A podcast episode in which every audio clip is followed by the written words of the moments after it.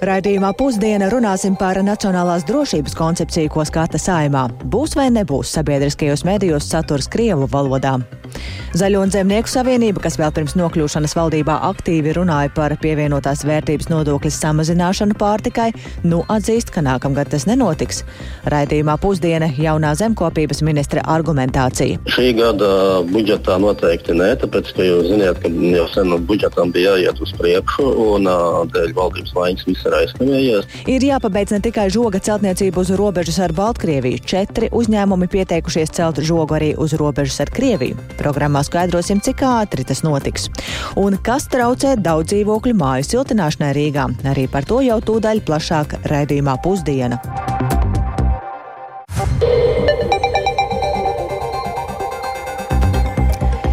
Ir 12,5 minūtes skan ziņu raidījums pusdiena plašāk skaidrojot šajā dienā, 28. septembrī būtisko studijā Dāca Pēkšēna. Esiet sveicināti! Saimā šodien viens no karstākajiem jautājumiem ir Nacionālās drošības koncepcijas apstiprināšana. Tā paredz arī to, ka no 2026. gada 1. janvāra sabiedrisko mediju veidotiem saturam jābūt tikai latviešu valodā un valodās, kas ir piederīgas Eiropas kultūra telpai, bet vietējais saturs Krievu valodā saglabātos tikai komercmedijos. Tam nepiekrīt un publiski iebilst gan paši sabiedriskie mediji, gan arī sabiedrisko elektronisko plašsaziņas līdzekļu padomu, uzsverot, ka kvalitatīvs sabiedrisko mediju saturs ir vajadzīgs arī Krievu valodā. Un Viensprāts ar to ir arī pašreizējā kultūras ministre Agnese Logina no progresīvajiem un koalīcijas partneri, bet vairāk par visu šo ir gatavs stāstīt kolēģis Jānis Kīncis, kurš šobrīd ir apkopojis visu informāciju un ir ieradies studijās. Sveiks, Jāni! Sveika, Dācis! Sveicināti radio klausītāji!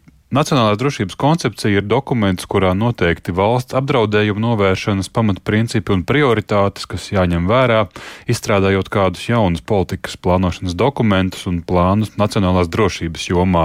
Un viena no sadaļām šajā koncepcijā ir par mēdīju darbu, un tajā ir kā, iekļauts, kā jau minēts, šis punkts par to, ka no 2026. gada 1. janvāra sabiedrisko mediju veidotajam saturam jābūt tikai latviešu valodā un tātad Eiropas kultūra telpai piederīgās valodās.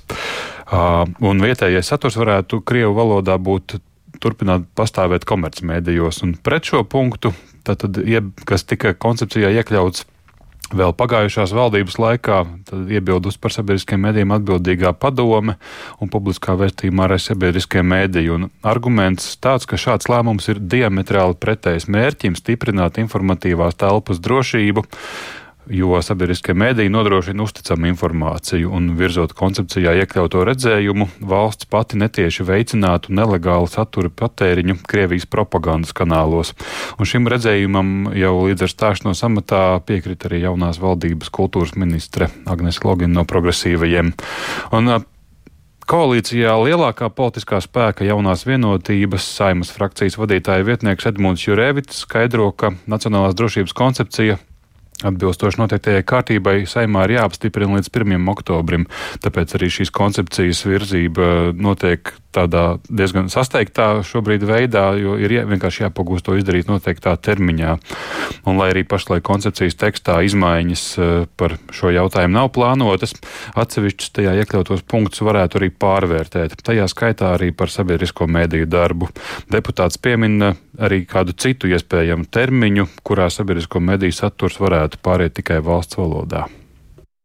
Jaunā vienotība atbalsta šo nacionālās drošības koncepciju un arī atbalsta principu kā tādu, ka ilgtermiņā mēdījiem visiem ir jāpāriet Latvijā, mēdījiem jāpāriet uz darbību valsts valodā, bet iespējams nākotnē var diskutēt, vai šis noteiktais gads, 26. gads, ir pareizais, varbūt ir nepieciešama kaut kāda nelielas korekcijas, jo es domāju, īstais brīdis, kad pilnībā pāriet uz šo pilnīgo valsts valodas lomu, būs tad, kad mums būs beidzot būs noslēgusies pārējai uz valsts valodu skolās, un arī cerams, tad, kad būs Krievija beidzot sakauta.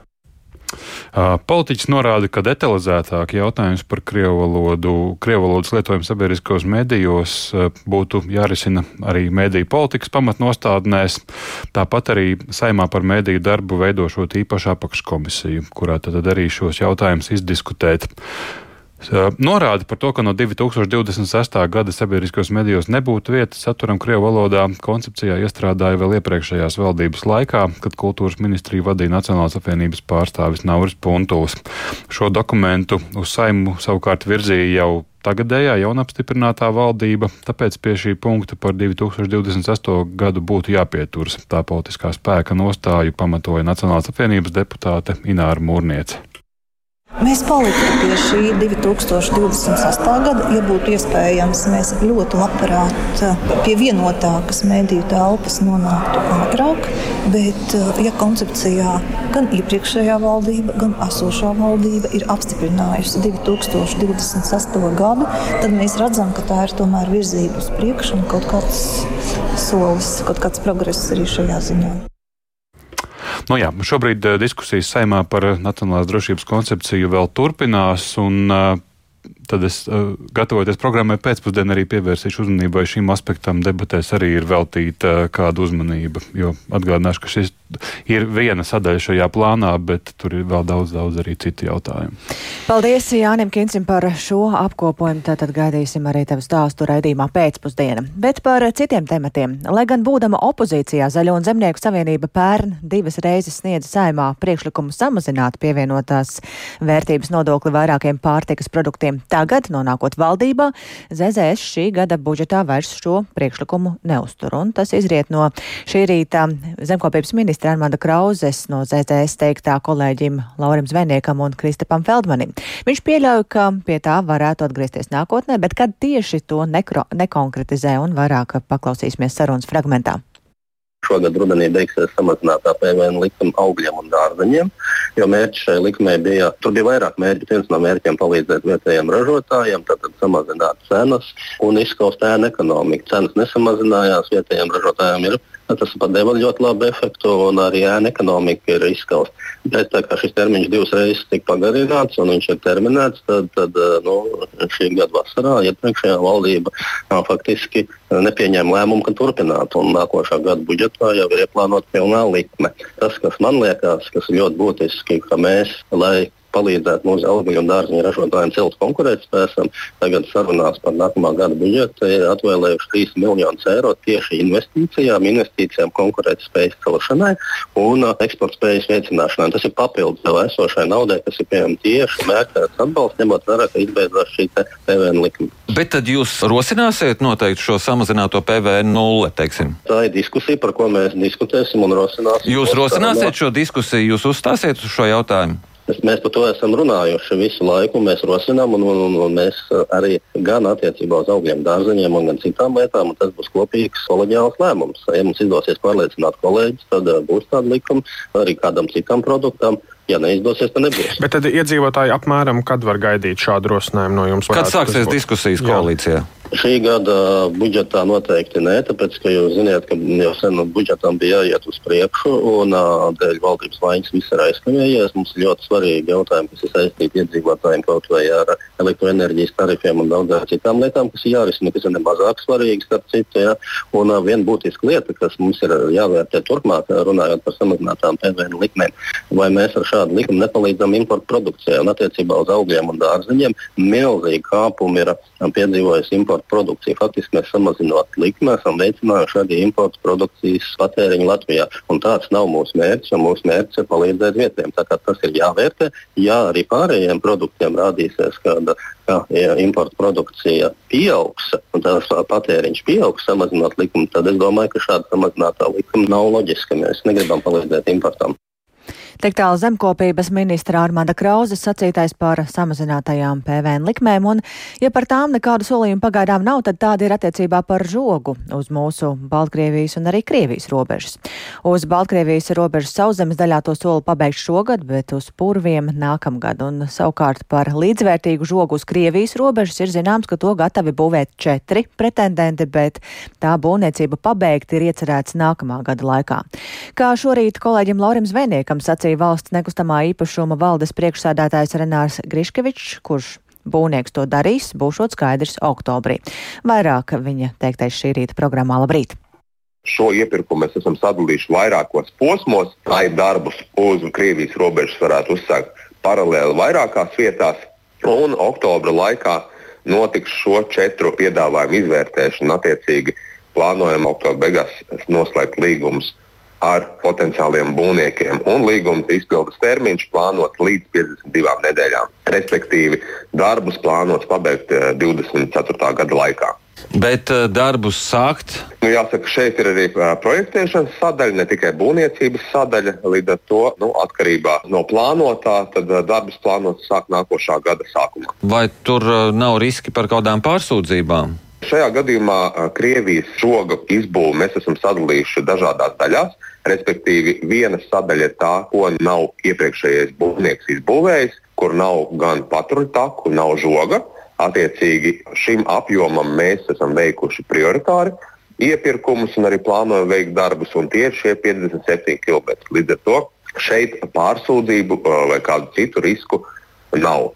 Ir otra darba sadaļa, respektīvi uzbūvētie nepilnie 100 km žoga un 230 km patruļtaku, kur ir iepriekšējās saistības ar uh, iepriekšējo būvnieku, IGT, kur tika apturēti darbi 2019. gadā. Attiecīgi šai sadaļai ir veikts juridiskais izvērtējums, kas jau tuvākajā laikā tiks izskatīts ar iekšlietu ministriju, kādā veidā var vienoties par darbu turpināšanu vai līguma izbeigšanu ar iepriekšējo būvnieku. Attiecīgi tad mēs varam iet tālāk un veikt iepirkumus arī šai darba sadaļai, lai novērstu defektus vai uzlabotu esošo infrastruktūru uz robežas. Jūs tie minētie 57 km. Tad, kad eh, tie būs uzbūvēti, tad eh, visas robežas garumā būs žoks, vai tomēr vēl ir kādas teritorijas, kurās nav šī žoga? Robeža ar Krieviju ir 283 km. Tas, kas ir izbūvēts, ir nepilnīgi 100 km žoga un 230 km patrutāku.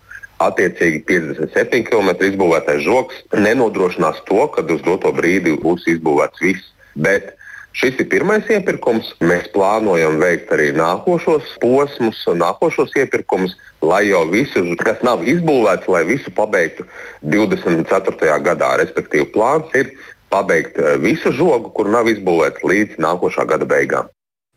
Tā valsts nekustamie īpašuma vadītājs Renārs Griškevičs. Un skaidrs, ka Krievijas izraisītais karš ir tas, kas pasteidzinājis jautājumu par žogu uz mūsu robežas, bet Ukraina ir arī viens no tematiem, par ko diskutē arī otrpus okeānam. Amerikas Savienotajās valstīs šonakt notika otrās republikāņu kandidātu priekšvēlēšanu televīzijas debates, un tajās piedalījās septiņi kandidāti, taču eksprezidenta Donalda Trumpa viņu vidū nebija.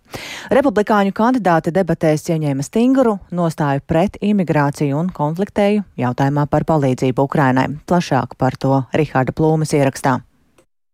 Eksprezidents Donalds Trumps, kurš izlaidis gan pirmās, gan tagad arī otrās debates, ir paziņojis, ka nevēlas vairot savu oponentu popularitāti piedaloties ar tiem debatēs. Tā vietā Trumps uzrunājis autobūves nozares darbiniekus Mičiganā. So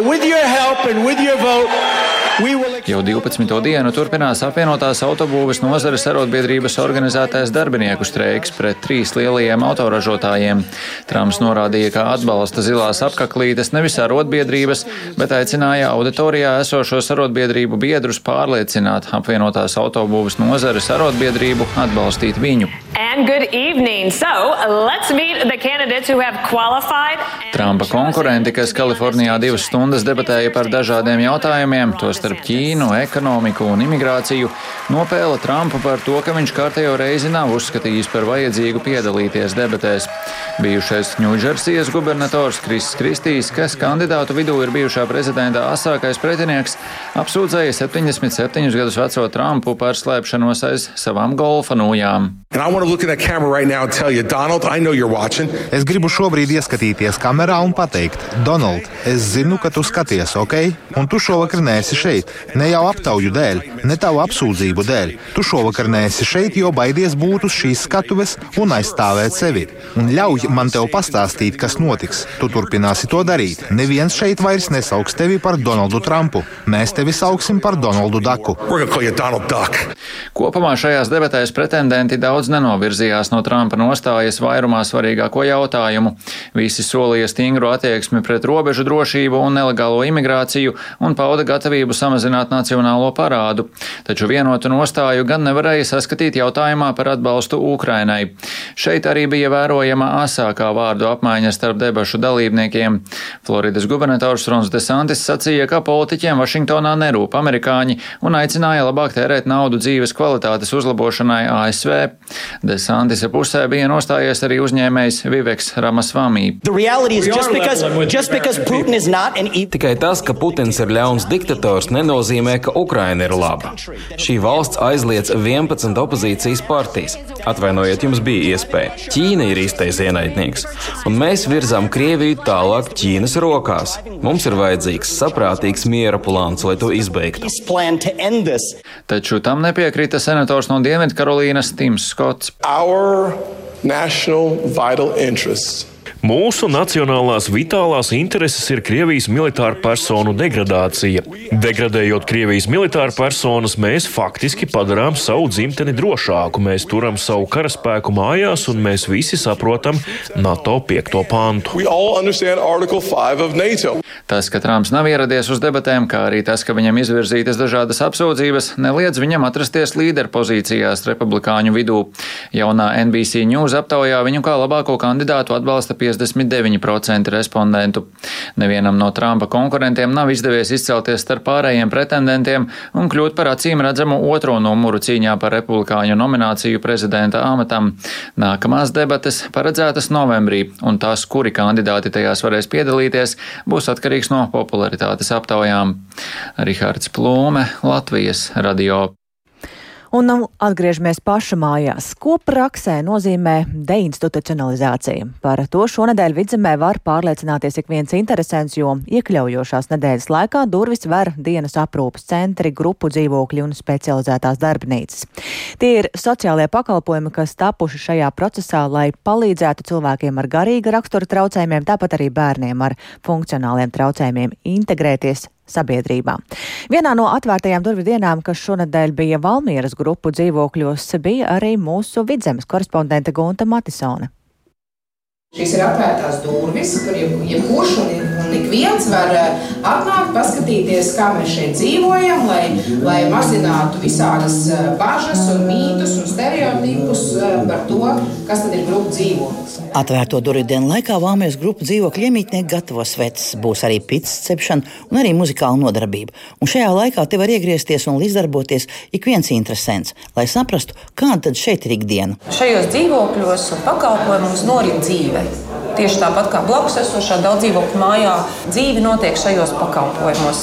Projekta vidzemē iekļauja vadītāja Inna Miķelsona stāsta, ka atvērto durvju dienas notiek otro gadu. Un iemesls ir, lai veicinātu sabiedrības izpratni, jo nereti ir aizspriedumi, kā cilvēki ar garīgu raksturu problēmām var dzīvot vieni. Pa šiem gadiem tika izveidot ļoti daudz jaunu pakalpojumu, par kuriem cilvēkiem varbūt nebija tādas informācijas, kas tad īsti tur notiek, jo tie nebija pazīstami. Dienas aprūpes centri un specializētās darbnīcas, arī grupu mājas, kurā mēs šobrīd esam. Un, uh, mums projekta komandā radās ideja atvērt uh, pakalpojumu durvis, aicināt uh, cilvēkus iepazīt šo pakalpojumu, jo mēs jau varam stāstīt dažādas lietas, bet kamēr cilvēkam nav šī pieredze, kontakts ar, ar, ar cilvēkiem, kas šos pakalpojumus izmanto, tikmēr ir diezgan grūti mainīt kaut kādus priekšstats. Arī man ir tāda pieredze, ka man paziņu lokā saka, mums tur, tur vērsies vaļā kāds grupu dzīvoklis. Kā tur būs, vai tur nepieaugs noziedzības līmenis? Nu, vienkārši cilvēkiem ir jāgrib mainīt savu priekšstatu. Grupu dzīvokļu Valmjerā tika izveidot pirms četriem gadiem.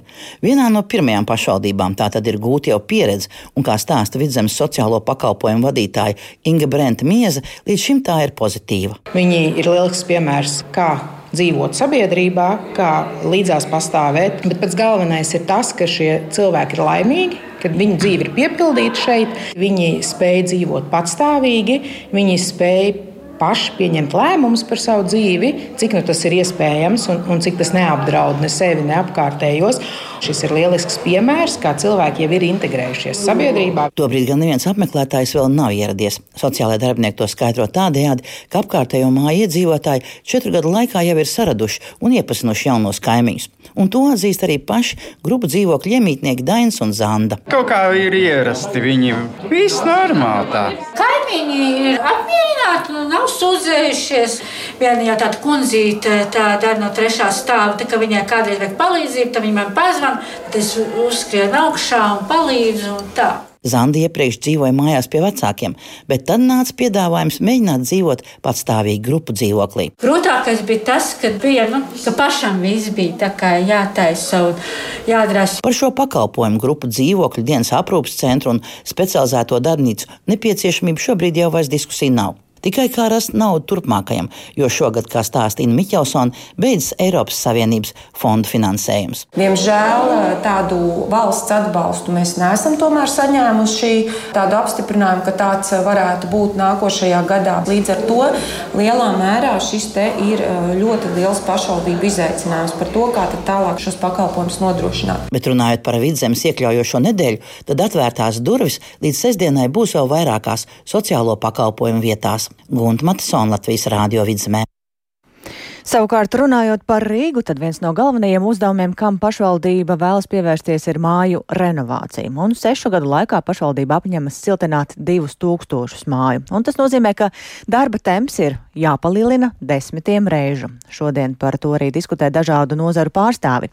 Vairāk ir gatavs stāstīt kolēģis Viktors Demīdovs, ar kuru šajā brīdī esam sazinājušies tiešraidē. Sveiks, Viktor! Un saki, kā tad pašvaldība šo mērķi cer sasniegt? Jā, sveika, Dārcis! Sveicināti Latvijas radio klausītāji! Tagad atrodos Rīgā, Bauskas ielā starp 53 un 55 daudz dzīvokļu uh, mājām, kas uh, tagad ir nosiltinātas jeb uh, renovētas. Un šis process vispār galvaspilsētā norit ļoti lēni, un viens no galvenajiem iemesliem daudz iedzīvotāji nosiltināt mājas vienkārši nevēlas. Un tāpēc to mērķi sasniegt līdz 2030. gadam ar tagadējiem tempiem ir, nu, es teiktu, visdrīzāk tas ir sapnis. Jo Rīgas no pārvaldniekā ir 4000 māju un siltināt līdz 30. gadam 2000 māju ar tagadējo tempu tik tiešām tas varētu būt teju neiespējami. Un, lai iedzīvotāji dzīvotu drošumā, ērtībā un siltumā, Rīgas nama pārvaldnieks apsver diezgan stingrus sava veida sodus. Un piemēram, varbūt mājas nevarēs eksploatēt, varbūt būs um, ievērojami palielināts īpašuma nodoklis. Uh, skaidrs atbildes pagaidām nav. Šobrīd notiek uh, dažādu ekspertu diskusija, kādi varētu būt tie risinājumi. Un, uh, nu, arī par šo uh, uzņēmumu pārstāvī pirms mēneša uh, runāja, diskutēja uh, domas atbildīgajā komitejā. Uh, un uh, uzņēmuma vadības pārstāvis teica, ka uh, nu, šī mēneša laikā kopš uh, pieminētās uh, sēdes, uh, tad no pašvaldības ir sajūtis pozitīvu vēsmu. Un tad doma ir sākusi runāt ar ekonomikas ministriju, kā es noskaidroju no Rīgas vicemēra, es atvainojos, Rīgas mēra. Un doma tagad. Nu, domā par tā saucamajām nepārņemtajām mājām, un tādas ir teju visas Rīgas namu pārvaldnieku mājas, tātad 90%. Uh, un, nu, ja tādas mājas, tādās mājās tas lēmums tomēr nu, nevarēs iedzīvotāji pieņemt, nebūs tas vairākums, nu, tad sava veida tas mehānisms, tas varētu būt, ka tomēr, to, tomēr neskatoties uz iedzīvotāju uh, nu, spītību, tomēr uh, tās mājas tiek renovētas. Cik ilgā laikā varētu būt tie grozījumi, nu, nav zināms, un, un, un tas, tas pagaidām vēl ir procesā. Bet, Viktor, nu, ir pašvaldības, kur tomēr ar to sokas pietiekami labi. Tad uh, kas ir tā galvenā problēma? Kā tu mini nevēlēšanās, vai tomēr ir vēl citi kopšanas? Viena, nu, jā, jā, tas ir uh, principā viens no galvenajiem. Tas ir tas tā, nu, cilvēku nevēlēšanās. Uh, es arī aprunājos šeit pat ar apkārtējiem iedzīvotājiem. Uh, ir gan tie, kuri dzīvo tepat blakus mājās, kas ir renovētas gan no citām mājām diskusijām, uh, nu, viņi pozitīvi vispār vērtē šo procesu. Un, uh, sa, viņi teica, ka jā, mēs arī balsojām par to renovāciju, jo ir uh, gan zemāki apkures rēķini, gan uh, apkures sezona ir uh, īsāka vidēji par četriem, es atvainojos, par diviem mēnešiem, tad četri mēneši, jā, nu, vidēji. Tātad, nu, tā atzīmē arī Rīgas nama pārvaldnieks, sakot, ka iedzīvotāji nu, būs ieguvēji, nevis zaudētāji. Tālūk. Paldies Viktoram Demīdovam. Tas tātad par um, ēku siltināšanu Rīgā. Rīgai ambiciozi mērķi tuvāko sešu gadu laikā pašvaldība apņemas siltināt divus tūkstošus māju. Un um, esam tikko saņēmuši ziņu, atgriežoties vēl pie pirmā temata, tad pirms brīža saima tikko ir apstiprinājusi tātad nacionālās drošības koncepciju. Bet um, ar to tad arī skan redzījums pusdiena, ko producēja Aiga Pelane, ierakstus montēja Huldis Grīnbergs, par labskaņu rūpējās Regīna Bieziņa un ar jums sarunājās Dāca Pēkšēna. Vēl īsi par citiem tematiem. Tātad nākamā gadā plāno uzbūvēt žogu uz Krievijas robežas, bet kurš to darīs, būs zināms oktobrī. Republikāņi priekšvēlēšanu debatēs nopeļ Trumpu un strīdas par Ukrainu.